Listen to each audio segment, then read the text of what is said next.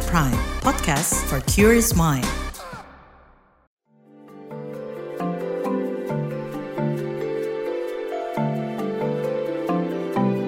Saga, cerita tentang nama, peristiwa, dan fakta.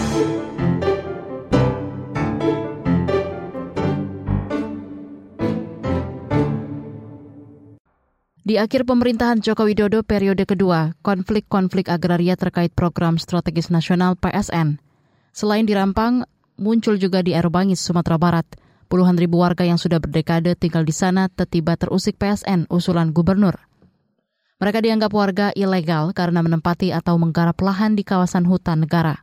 Sejumlah warga dikriminalisasi dan direpresi ketika memperjuangkan ruang hidupnya. Jurnalis KBR Nini Yuniati berbincang dengan warga Air Bangis, pegiat lingkungan, dan pemerintah pusat tentang jejak konflik agraria dan upaya penyelesaiannya. Simak kisah bagian kedua yang dibacakan Astri Yuwanasari.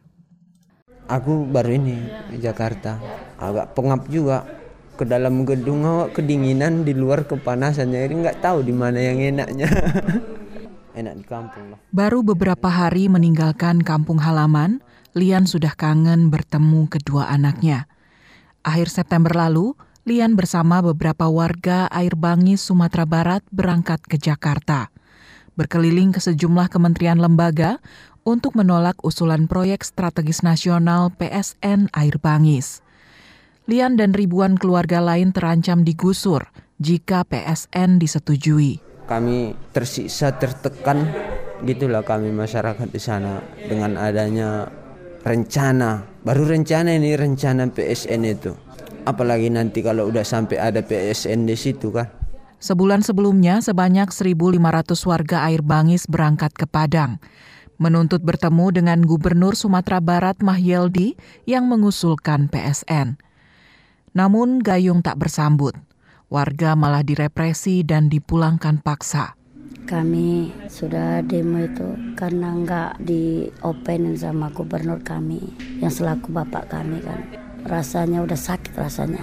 Waktu dia mau mencalon jadi gubernur butuh suara kami kan. Ketika masyarakat Erbangis membutuhkan suara dia, sama sekali nggak ada tanggapan. Komalawati ketar-ketir lahan 2 hektar yang selama ini menghidupi keluarganya bakal diambil untuk proyek PSN.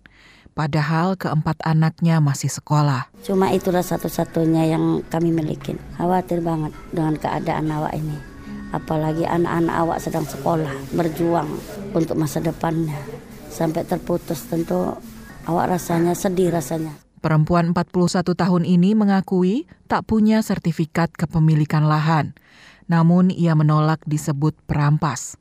Sebab tanah di air bangis selama ini dikelola turun-temurun secara adat. Ia mengelola sendiri, nganam sendiri. Karena izin dari nini mama uh, yang punya tanah adat di situ kan.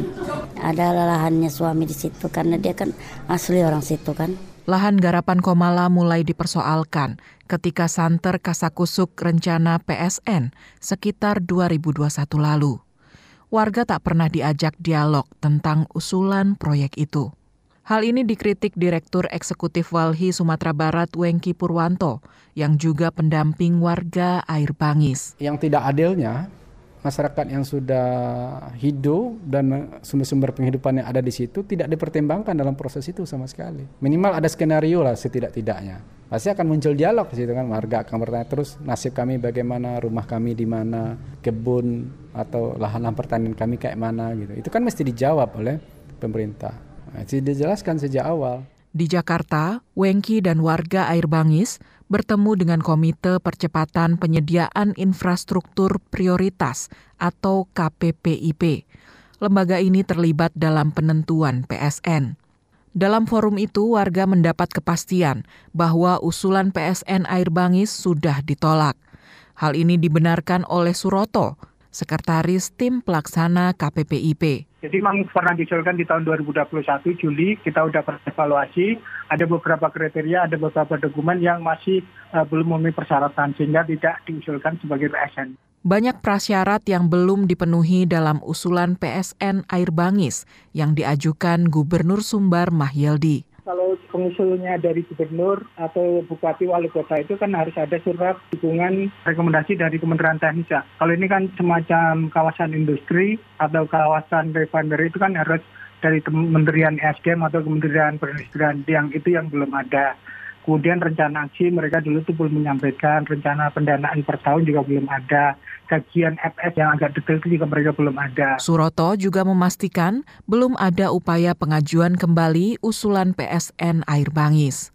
Ia menekankan warga terdampak mesti dilibatkan dalam tiap rencana PSN. Untuk ke depannya untuk pelaksanaan kan tetap harus melibatkan masyarakat. Paling nggak untuk usulan-usulan PSN itu harus dikomunikasikan dulu ke masyarakat sehingga nanti tidak ada penolakan. Contoh di beberapa jalan tol atau apa gitu untuk misalnya untuk pengadaan tanah penetapan lokasinya. Dulu kan penetapan lokasi itu batas untuk tanah yang akan diadakan untuk jalan tol. Paling nggak kan melibatkan masyarakat. Oh nanti ini yang terkena jalan tol nanti akan dapat mendapatkan ganti rugi segini begini dan itu kan tetap dilakukan identifikasi dan uh, verifikasi yang melibatkan masyarakat. Harusnya dari awal melibatkan masyarakat dulu dari pemerintah daerahnya. Wengki dari Walhi Sumbar meminta KPPIP lebih selektif dalam menilai usulan PSN. Ke depan kita berharap basis penolakannya tidak hanya soal teknis secara administrasi saja yang ditolak gitu ya, tapi lebih substantif. Di situ ada wilayah kelola masyarakat yang hidup dan sumber-sumber penghidupannya ada di sana. Dan mereka adalah bagian dari uh, kesatuan masyarakat hukum adat yang ada di Negara Air Bangis, Kecamatan Sungai Bremas. Ditolaknya PSN Air Bangis membuat warga sedikit lega, tetapi masih jauh dari kata aman karena belitan konflik agraria. Dia itu baru aman ketika negara mengakui dan menghormati kepemilikan masyarakat di sana atas tanahnya. Jadi dia harus ada negara betul-betul mengakui dan menghormati bahwa masyarakat berhak atas bidang tanah yang mereka dapatkan melalui mekanisme hukum adat di situ. Banyak opsi yang bisa diambil pemerintah tanpa harus menggusur warga air bangis mulai dari penetapan kawasan hutan adat sampai skema perhutanan sosial. Wengki menyinggung pemutihan 3,3 juta hektar lahan sawit yang berada di kawasan hutan tanpa izin usaha.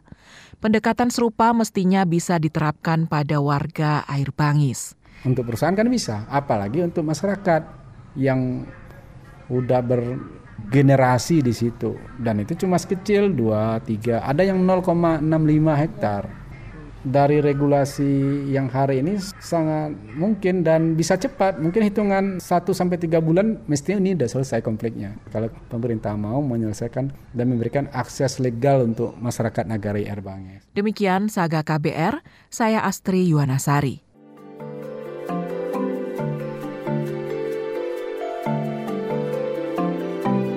Saga, cerita tentang nama, peristiwa, dan fakta.